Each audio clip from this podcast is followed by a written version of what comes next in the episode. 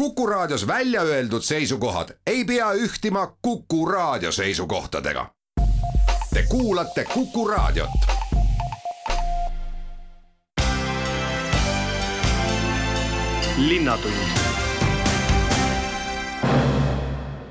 tere tänane saade räägib sellest, milliseid mõtteid käidi välja südalinna kultuurikeskuse ideekorjel ja kuidas see protsess edasi läheb, siis vaatame ette Tartu rattarallile, juhatame teid muuseumitesse, sest tulemas on muuseumitöö ja räägime, mida tehakse nii oma rahva jaoks kui ka Ukraina sõjapõgenikele laupäevaste ja ka järgmiste plaanide paremaks seadmiseks äh, astusin sisse ka õllemuuseumisse, mis äh, uuendatud kujul äh, taas rahvale lahti.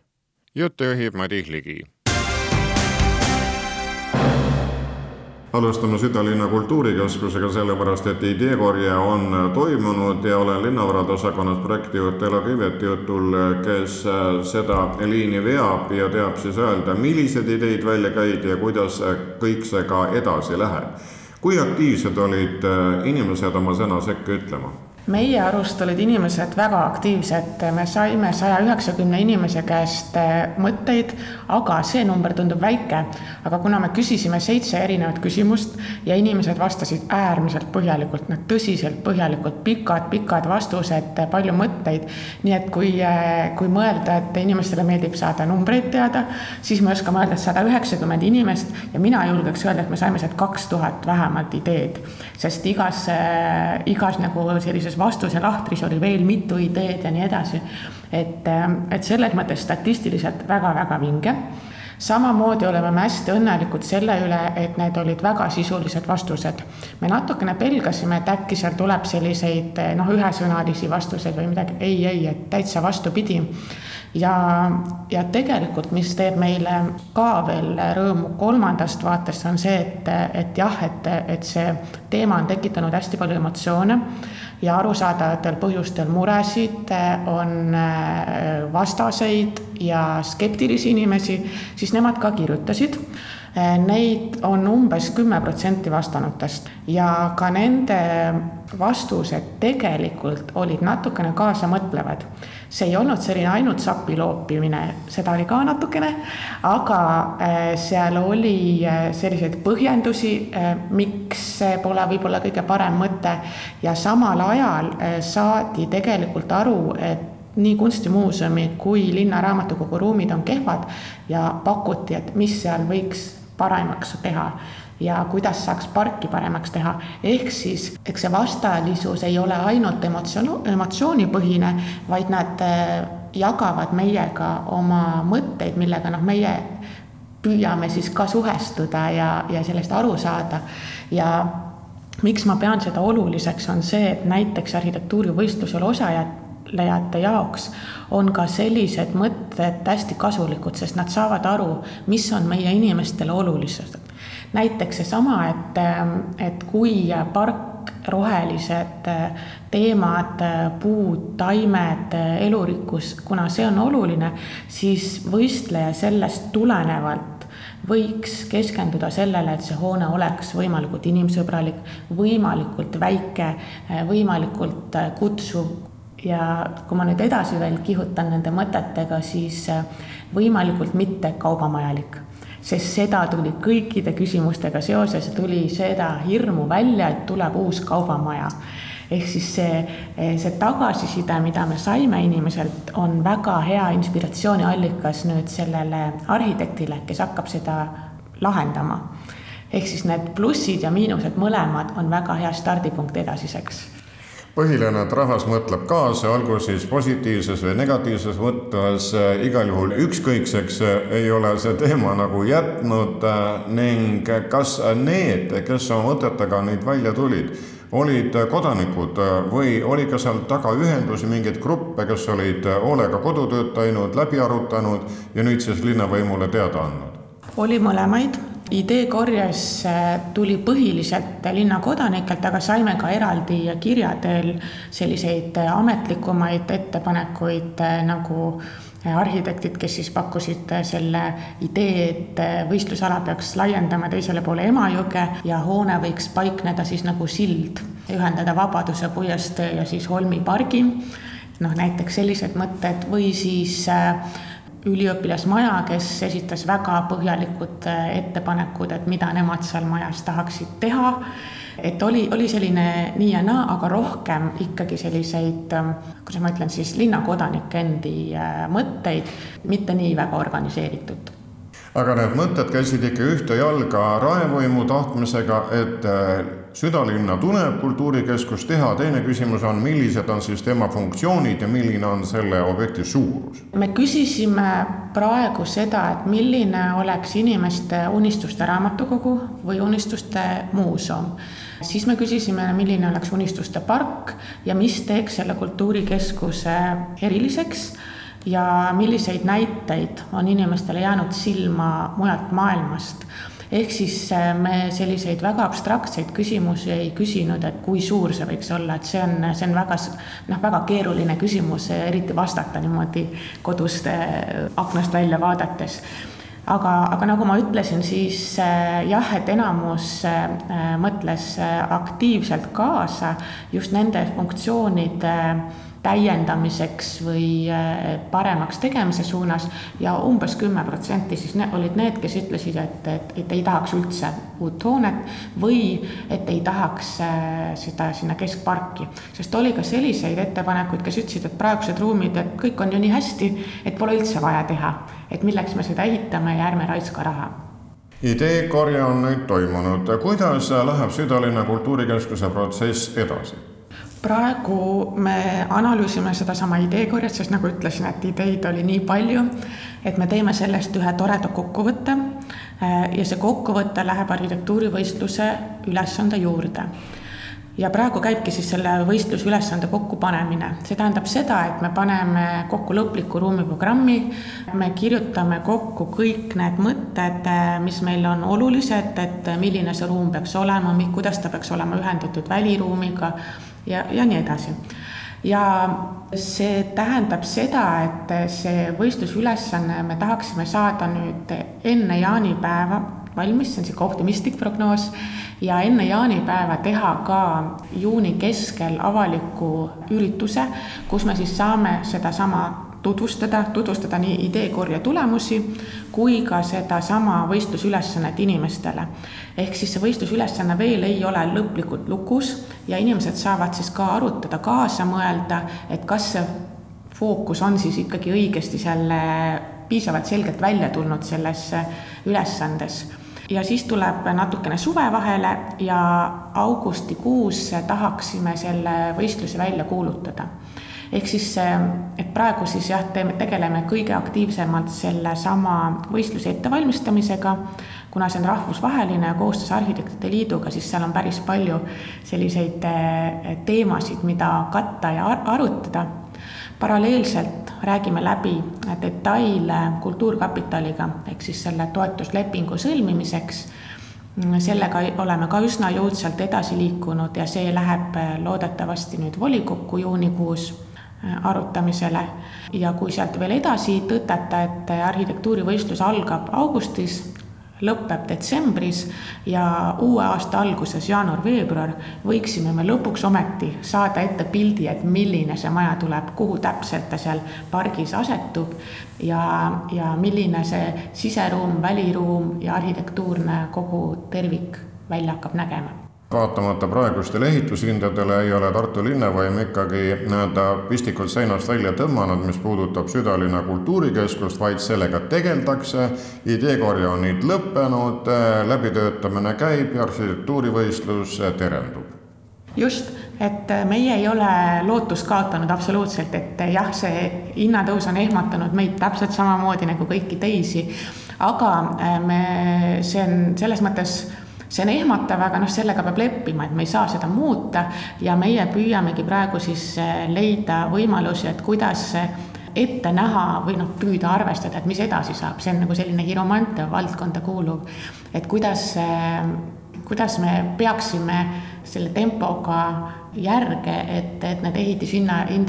need numbrid ei jookseks meil nii eest ära, et me seda maja kätte ei saaks. ehk siis me, seesama, see võistlusülesanne, arhitektuurivõistlus, kõik nad püüavad tegeleda sellega, et me saaksime täpselt nii suure maja, nagu meil vaja on, kuhu kõik need head asjad ära mahuks, aga mitte liiga suure, sest see on just nimelt see, see meie võimalused tulevad ju samamoodi piirina vastu. linnatund varemgi on nii olnud, et teedede tõttu on Tartu rattaralli rada muudetud ning arvestades seda, mis käib praegu Riia ringil, siis otse loomulikult tuleb ka rattaralli distants või distantsid hoopis mujale. Indrek Kelk, milliste võimaluste vahel te valisite? noh, me peamiselt ikkagi töötasime kõigepealt selles suunas, et kas me leiame mingisuguse äh, lahenduse äh, sõita selles traditsioonilises äh, lõunasuunas, mis siis ikkagi Tartu rattasalli selline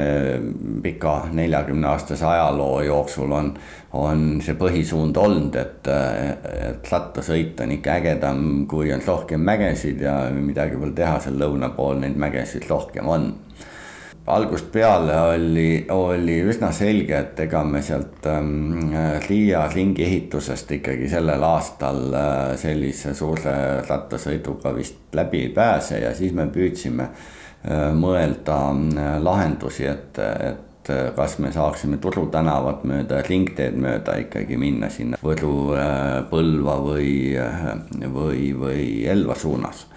aga kuna mm, transiitliiklus on ka ikkagi suunatud äh, olulisel määral ringtee peale, Ihaste silla peale, et, et see oleks tähendanud tegelikult Ihaste silla äralõikamist äh, terveks päevaks ja ja siin nuputades äh, liiklusspetsialistidega siis äh, leidsime, et, et tuleb ikkagi pöörata pilgud taas põhja poole, nii nagu me kahe tuhande viieteistkümnendal aastal seda tegime, kui Võru maantee remondis oli. ja, ja hakkasime siis töötama seal nende versioonidega ja kuna üks pikaajaline unistus äh, on olnud mul ka ikkagi, kas siis nüüd Tartu rattasalli või Tour of Estonia sõit viia ka äh, Peipsi äärde ja Sibulateele, siis äh, seoses asjaoluga, et nüüd viimastel aastatel on üks väga äge kruusatee saanud ka mustkatte, nimelt Pataste välgi Alatskivi tee. Et, et see andis uusi võimalusi siis sellise rattaralli traditsioonilist pikkust säilitades, pika distantsi pikkust säilitades, siis jõuda ka Peipsi äärde välja ja, ja võtta sealsed äh, uued teed rattaralli kasutusse, et. et see on siis nii-öelda ralli saa-, selle aasta raja saamislugu vaheldus on ka tähtis ning autoralli ju käis seal Peipsi ääres, miks siis mitte ka kondimootoriga sinna jõuda. kus on siis start ja kus on finiš? Ja stardipaik äh, sellel aastal ka muutub, et, et samadel põhjustel, et äh, kuna äh, seal Turu tänavalt nüüd väljaminek sinna põhja suunda üle Narva maantee Mäkke minnes ja, ja Võidusilla, silda kinni pannes oleks ka väga komplitseerinud kogu linna liiklusolukorda, seda enam, et me ka lainestartidega sellel aastal ohutuse huvides tahtsime välja tulla. siis öö, äh, otsustasime stardipaiga viia ERMi juurde vanale Tartu sõjalennuväljale, kus on ruumi väga laialt ja, ja seal siis sellise miniatuurse stardi väljaehitamisega saame siis äh, linna äärest äh, selle võidusõidu äh, lahti lasta niimoodi, et, et linnaliiklus ei sega ja, ja, ja, ja linnaliiklusega see nii-öelda põrkumine tuleb siis ratturitel alles siis, kui nad Ihaste suunast hakkavad linna sisse sõitma. Nii et distantsid õnnestub siis seal Peipsi ääres ära korraldada nii, et inimestel on võimalik valida mitme vahel jah, need traditsioonilised kaks rattasralli äh, distantsi, mis meil varem on olnud äh, äh,, selline üle saja kilomeetri ja, ja sellest siis nii-öelda umbes pool distantsi, need on endiselt jõus ja sellel aastal rattasrallil kõige pikem distants on siis sada kakskümmend kaheksa kilomeetrit. see siis käib Peipsi ääres ära ja sõidab siis marsruudil Tartu,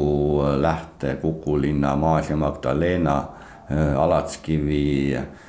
Varnja, Koosa, Kavastu, Luun ja Tartu ja siis teine äh, traditsiooniline distants on siis kuuekümne kilomeetri distants. paraku äh, sellise distantsi pikkusega Peipsi äärde välja ei jõua ja siis äh, start läheb täpselt samamoodi nagu pikemal distantsil Kõrveküla ja, ja Lähte poole, aga Kuku linnast siis hakka, keeratakse ots Tartu poole ja, ja läbi Vedu, Kikivere, Aovere suundutakse siis Luunja suunda ja sealt Tartusse. Ja tulenevalt nüüd sellest, et meil stardipaik on finišipaigast erinev saab teoks ka pikalt kaalutletud äh, ja, ja lahendust otsitud äh, plaan Tartu rattasallile veel üks lühem distants juurde tuua ja sellel aastal saab see siis olema kahekümne seitsme või kahekümne kaheksa kilomeetrine distants. mis siis ka ERM-i juurde stardib, aga keerab siis otsa kohe sinna Rõõmu tee poole ja, ja tuleb sealt mööda väikseid teid Luunja Auvere teele välja ja siis läbi Luunja juba täpselt sama rada, mis kõik pikemad distantsid finišisse. ja sellel kõige väiksemal distantsil eh, on siis ka eh, paar kruusalõiku, noh eeldusel, et, et see, see sõit ei ole selline väga võidusõidurataste sõit, vaid pigem eh, maastiku ja tavaliste linnaratastega sõidetakse, et, et, et siis see kruusatee lisamine sinna ei ole ka väga suur probleem, aga lihtsalt ohutusest ja distantsi pikkusest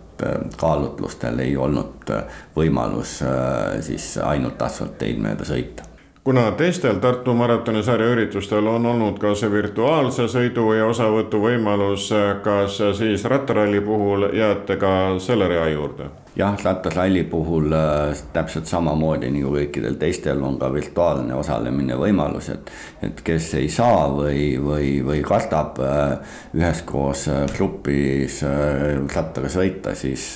täpselt samamoodi, nii nagu varasematel, varasemal kahel aastal, kui nüüd rattasralli ei saanud koroona piirangute tõttu toimuda, on võimalik ka virtuaalselt osaleda, kas siis nüüd needsamad rattasralli originaalsajad läbides, need saavad tähistatud olema varasemalt või siis kuskil mujal maailmas. aga rattasralli puhul on veel üks väga suur ja, ja oluline lisand, et es, esmakordselt on rattasralli siis ka suure rahvusvahelise rahva rallide nimekirjas või, või selliste suurte maantee rahvasõitude sarjas. UCI Grand Fondo World Series liige ja, ja, ja see siis loob äh, oluliselt sellise suurema reklaamiakna Tartu rattarallile kogu maailmas ja. ja loodetavasti siis tulevastel aastatel toob siia ka rohkem äh, välisosalejaid ja teistpidi siis Eesti osalejatele loob võimaluse jälle äh, selle UCI Grand Fondo ehk veteranide nii-öelda maailmameistrivõistlustel osalemiseks, et Tartu rattarallist siis on saanud üks kvalifikatsioonisõit. ja kuna selle sõidu formaat on ka natukene teistsugune, siis äh, Tartu rattasrallil sellel aastal saavad ka nii stardigruppide kui startide osas olema suured muutused. et nelikümmend aastat äh, toimusid asjad ühtemoodi. nüüd on õige aeg uuendusteks. linnatund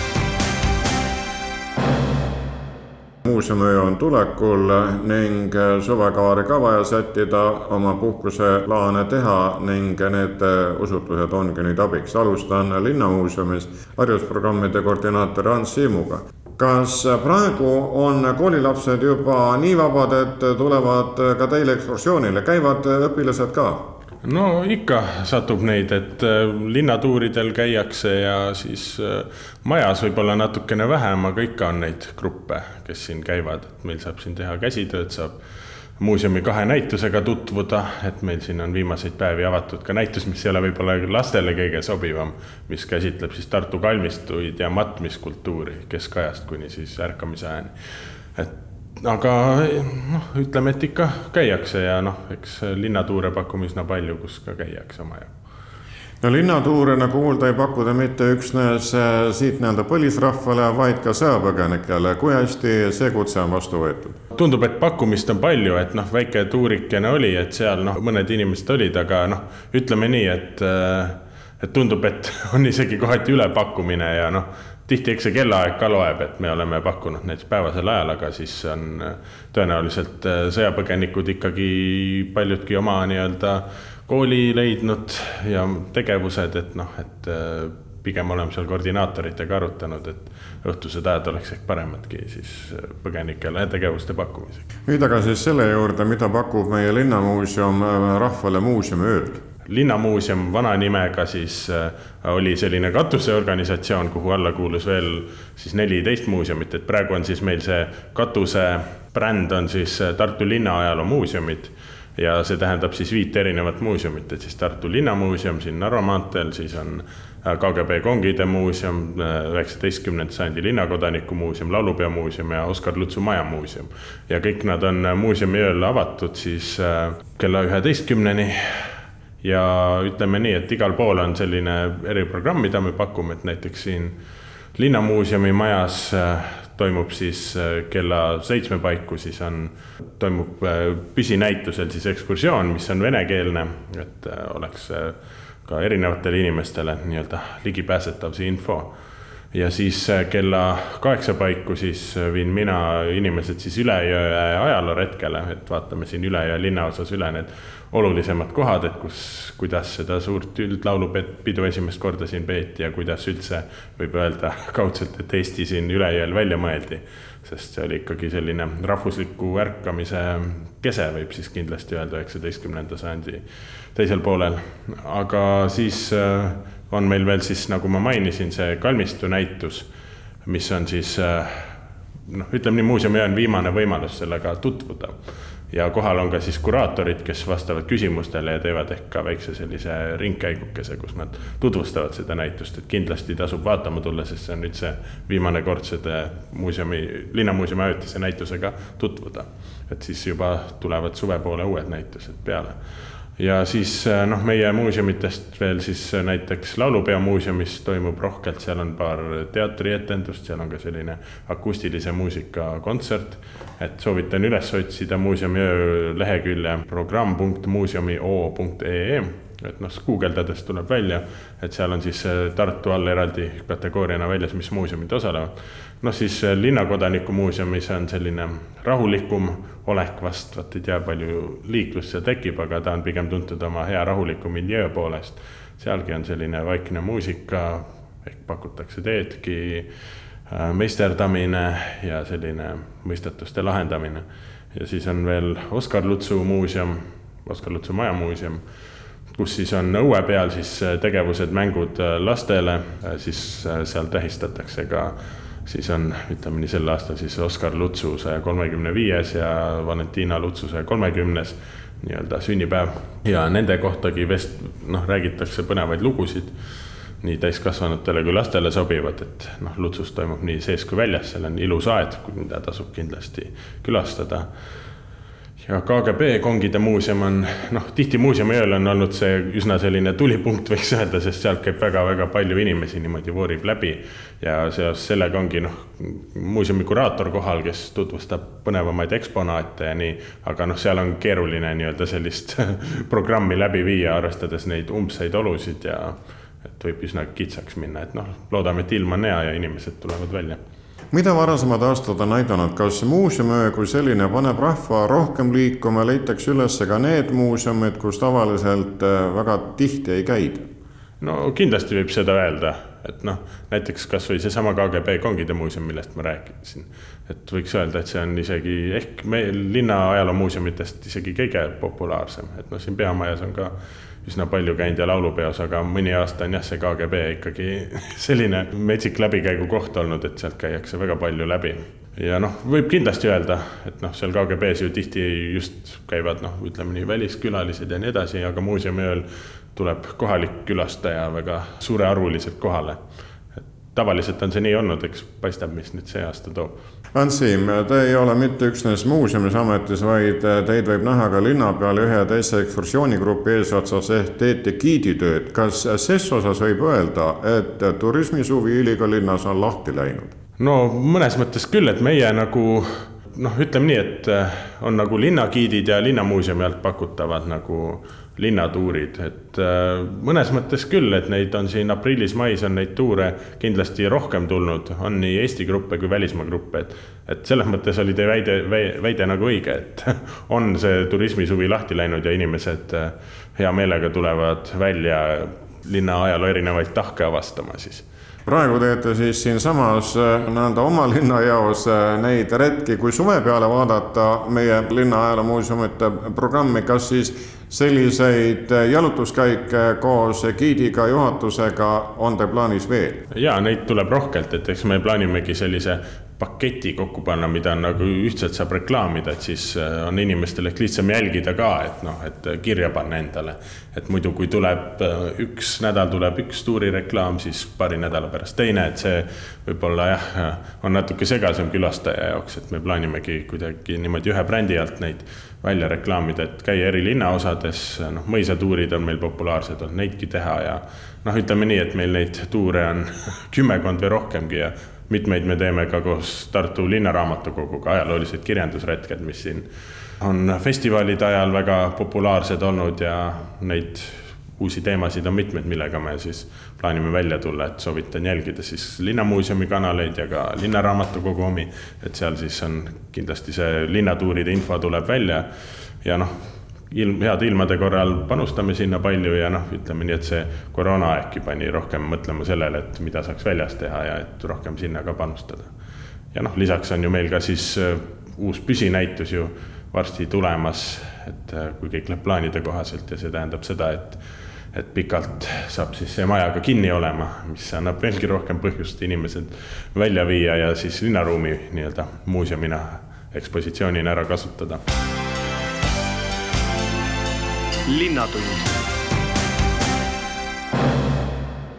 jätkan teemat juba Eesti Rahva Muuseumis hariduskeskuse juhi Kaari Siimeriga. Teiegi kutsute rahvast nüüd taas muuseumi ööle, kui meenutada neid esimesi, siis oli siin murdu ju väga pikk järjekord, kui ERM oli uus. no ega pole ka see seltskond ju väiksemaks eriti jäänud. no me loodame ikka, et ka sel muuseumi ööl tuleb väga palju rahvast, sellepärast mõned aastad on ka ju olnud sellised, kus inimesed pole saanud väljas käia ja ka muuseumiööd on võib-olla olnud kesisemad. Aga sel korral on jah, meil tegelikult on muuseumi öö algab juba tegelikult päeval pihta, sellepärast et kella kaheteistkümnest algab meil perepäev ja muuseumi öö siis lõpetab ise kell üksteist, mil me muuseumi uksed sulgeme. kuna meie programm algab juba päeval, et siis eh, võib-olla vanemad oma lastega saavad juba päevale vähemalt meie muuseumis huvi kustutatud ja, ja seetõttu on ehk muuseum natukene hõredam mida olete siis programmi pistnud, mis ajast aega on töötanud eh, ka siin uues majas? no ma arvan, et ikkagi need avatud näitused on, kutsuvad ikkagi kõige rohkem. aga kindlasti muuseumiöö tähendab ju seda, et sellega kaasneb kultuuriprogramm, kaasnevad tegevused lastele ja, ja need on siis need asjad, mis inimesi siia kutsuvad ja, ja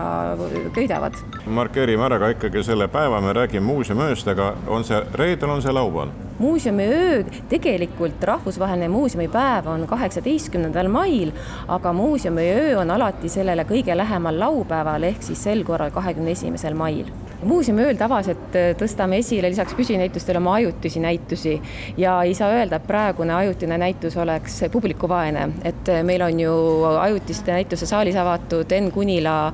kunstinäitus Värvide ilu ja see on niisamagi inimeste seas väga populaarne. aga meie perepäev kannabki nime Suur maalritöö ja tegelikult see algab kell kaksteist, aga huvilistel on juba kell üksteist võimalik tulla ja kuulata Enn Kunilat sellel näitusel, Enn Kunilat ennast. sellele tuurile saab registreerida meie kodulehel, aga kella kaheteistkümnest kolmeni on siis perepäev lastele ja, ja nii väikestele kui suurtele kunstihuvilistele kannab see pealkirja siis Suur maalritöö ja mida see siis tähendab, et äh, loomulikult töötoad sillaalal kell üks esineb meil hull teadlane, kelle oleme siis Ülikooli Ajaloomuuseumis külla kutsunud, tema räägib meile värvidest ja teeb huvitavaid katseid. kella kaheteistkümnest ja kella kahest ja kella neljast ehk siis kolmel korral läheb suurel ekraanil eetrisse multifilm Suur maalritöö ja kell kaksteist kolmkümmend ja kell neliteist on siis ka tuur lastele ja nende vanematele Jüri ja Mari uurivad kunsti. Aga lisaks kõigele sellisele kellaajalisele programmile on tegelikult muuseumi ees, nagu me nimetame noka all, on kunstnik Sänk joonistanud ühe suure Konrad Mägi teose kontuurid. Ja seda siis kõik kunstihuvilised ühiselt saame värvida nii kriitidega kui ka siis sellise spetsiaalsete spreivärvidega. Ja seda protsessi me ka filmime ülalt ja hiljem siis äh, saame näha, kuidas see suur Konrad Mägi koopia meie muuseumi ees valmib ja et sinna on küll, ma arvan, et huvi nii lastel kui täiskasvanutel sinna oma käed külge lüüa. aga lisaks jah, nagu ma nimetasin, sillaalal töötoad lastele äh, ja maalijaht siis näitusel Värvide ilu ehk selline otsimismäng muuseumi ise algab meil kell kuus ja kella kuuest kella üheteistkümneni on siis muuseum täiesti kõigile piletivaba ehk tasuta.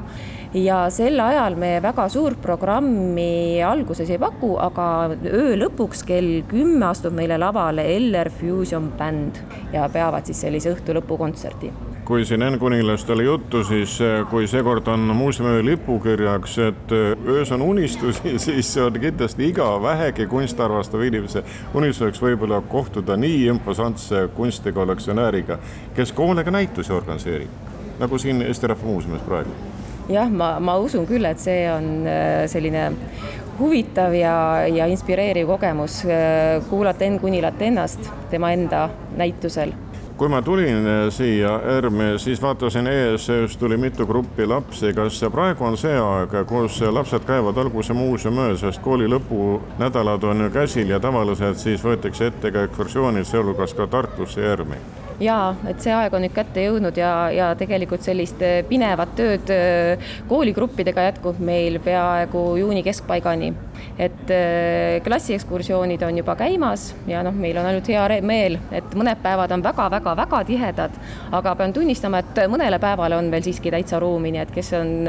huvitatud, siis mahutame kõik, kõik huvilised ja klassigrupid veel ikkagi siia majja ära. kuid muuseumi öö puhul ikkagi tuleb rõhutada seda, et ei mingit virtuaalvarianti ja seekord saab oma silmaga ikkagi kaeda, olgu siis siin Eesti Rahva Muuseumis, Linnamuuseumis ja kus iganes, sest vabariigis on muuseumid igal pool lahti. jaa, ma usun küll, et sel aastal muuseumiöö on selline, kus me kõik hoiame enda muuseumid lahti just selleks, et inimesed saaksid tulla kohale ja vaadata sest eh, kuigi koroonaaeg tegi meid kõiki väga digitargaks, siis on näha nii lastelt kui õpetajatelt tagasisidest, et, et asju ise kohapeal oma silmaga näha, lõhna tunda, mõõtmeid näha, et see on ikkagi hoopis teine asi nagu eelmine direktor armastas rõhutada, et see virtuaalhuvi või huvi virtuaalsete variantide vastu, antud juhul siis ERM-i suhtes, see esialgu läheb ülesse ja siis vaob. jah, ja tegelikult on päris suur rõõm, et, et saame füüsiliselt inimesi näha ja, ja et inimestel see huvi jätkuvalt olemas on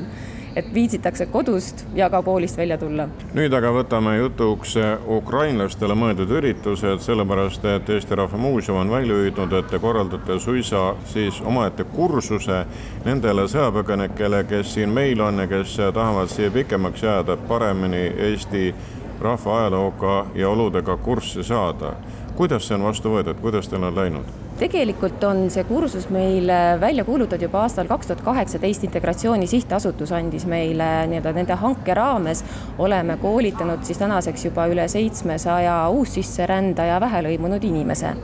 Aga kuna sel aastal jõudis Eestisse tõesti väga palju Ukraina põgenikke, siis me leidsime, et praegu on võib-olla õige siis mõned kursused või isegi jah, järgmised kursused suunata otse neile praegu oleme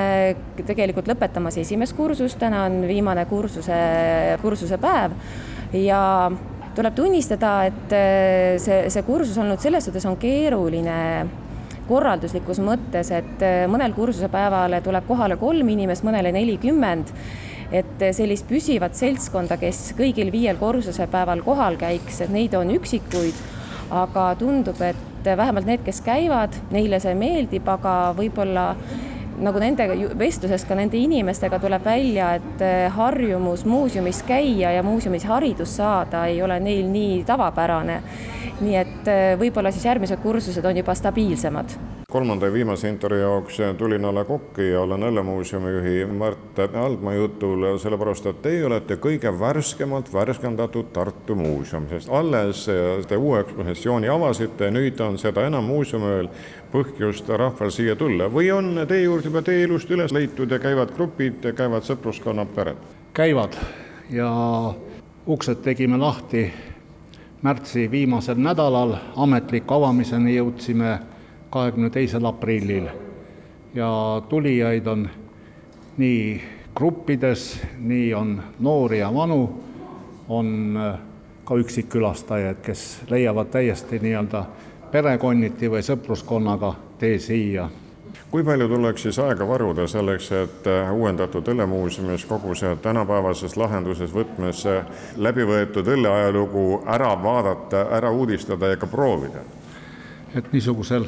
ütleme, keskmisel tasemel nagu alla pooleteise tunni ei tasuks nagu mitte planeerida. Ja see, kellel on nagu süvahuvi, no siis ilmselt läheb kauem, sest et äh, nende turistidega, kellega ma nüüd olen siin paar nädalat nagu käinud läbi selle ekspositsiooni, et äh, pooleteist tunniga saab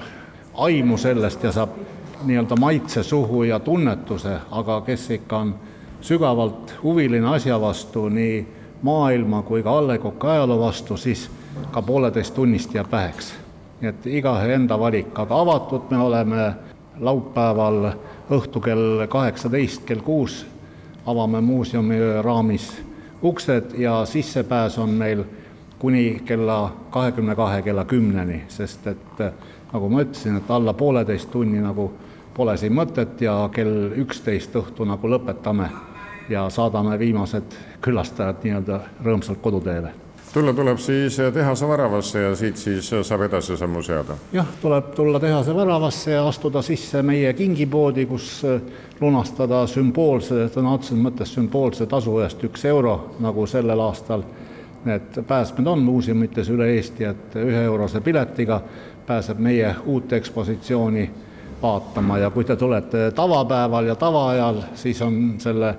maksumuseks näiteks kümme eurot, et selline võrdlusmoment siis vanasti, kui Linnaseatorni tehti õllemuuseum, siis viidi ekskursandid ka tootmist vaatama, et kuidas siis see õlle villimine käib ja pudelisse panek ja kuidas liinid töötavad. kas praegustes tingimustes lasete ka selle retke teha või tuleb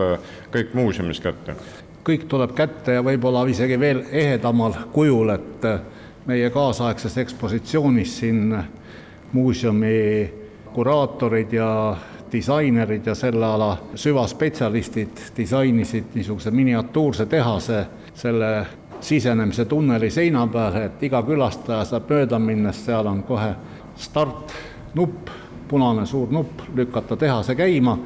ja saab esimese ülevaate. nelja minutiga on protsess läbi, mis tegelikult õlle valmimisena tähendab kuskil veidi rohkemat aega kui üks kuu ja siin kõrval praegu hakkas vaikne muusika, ehk äh, siit kulgete üles kinosaali, kus on väga heal professionaalsel tasemel tehtud üheteistminutiline film A. Le Coqi tootmisest, annab ülevaate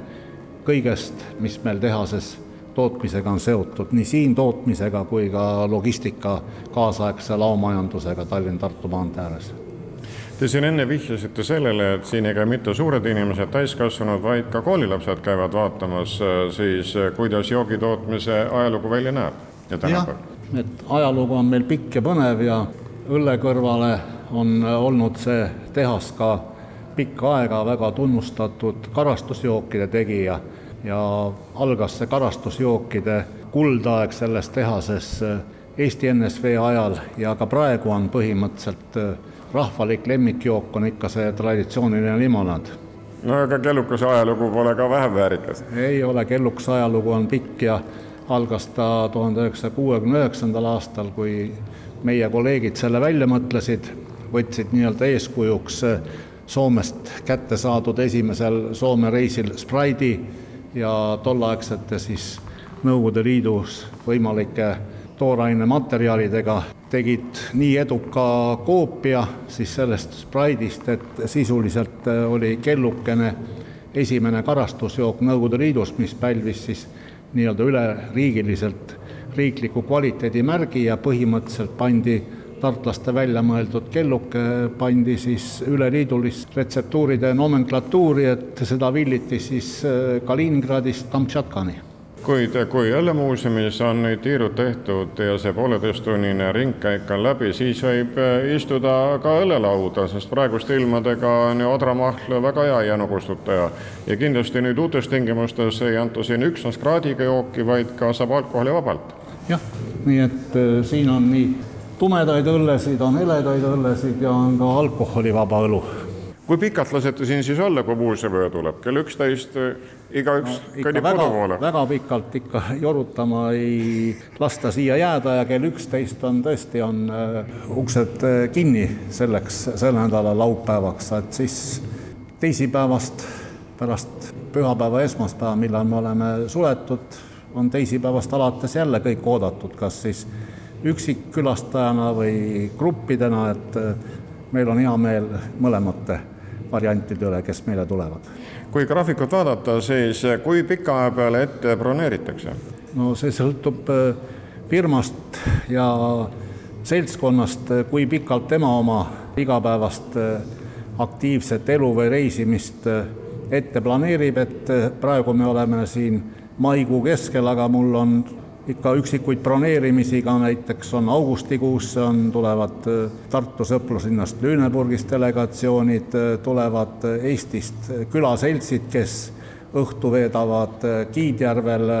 Aada etendust vaadates, aga hommikud on siis planeerinud juba siia meie õllemaailma kallid kuulajad, nii palju tänaseks äh, siis Südalinna kultuurikeskusest, selle ideekorjest äh, ja ka sellest, mis saab edasi, teavet andis äh, Südalinna kultuurikeskuse projektijuht Elo Kiivet. Tartu rattarallist rääkisin Tartu maratoni tegevjuhi Indrek Kelguga linnamuuseumi haridusprogrammide koordinaator Ants Siim ja Eesti Rahva Muuseumi Hariduskeskuse juhataja Kaari Siiamäär aga kõnelesid sellest, mida nad pakuvad eeloleval muuseumiööl nii oma rahvale kui ka sellest, milliseid teadmisi jagatakse Ukraina sõjapõgenikele, et nad siinmail ennast teadlikumalt tunneksid. A Le Coq'i õllemuuseumis oli mikrofoni ees juhataja Mart Haldmaa. saate pani kokku Madis Ligi eelinfo korras veel seda, et tuleval neljapäeval on küsimustele vastamas Tartu linnapea. kui teil on Meerile küsimusi, siis saatke kiri madis.tartukuku.ee. aitäh kuulamast, olge terved! linnatund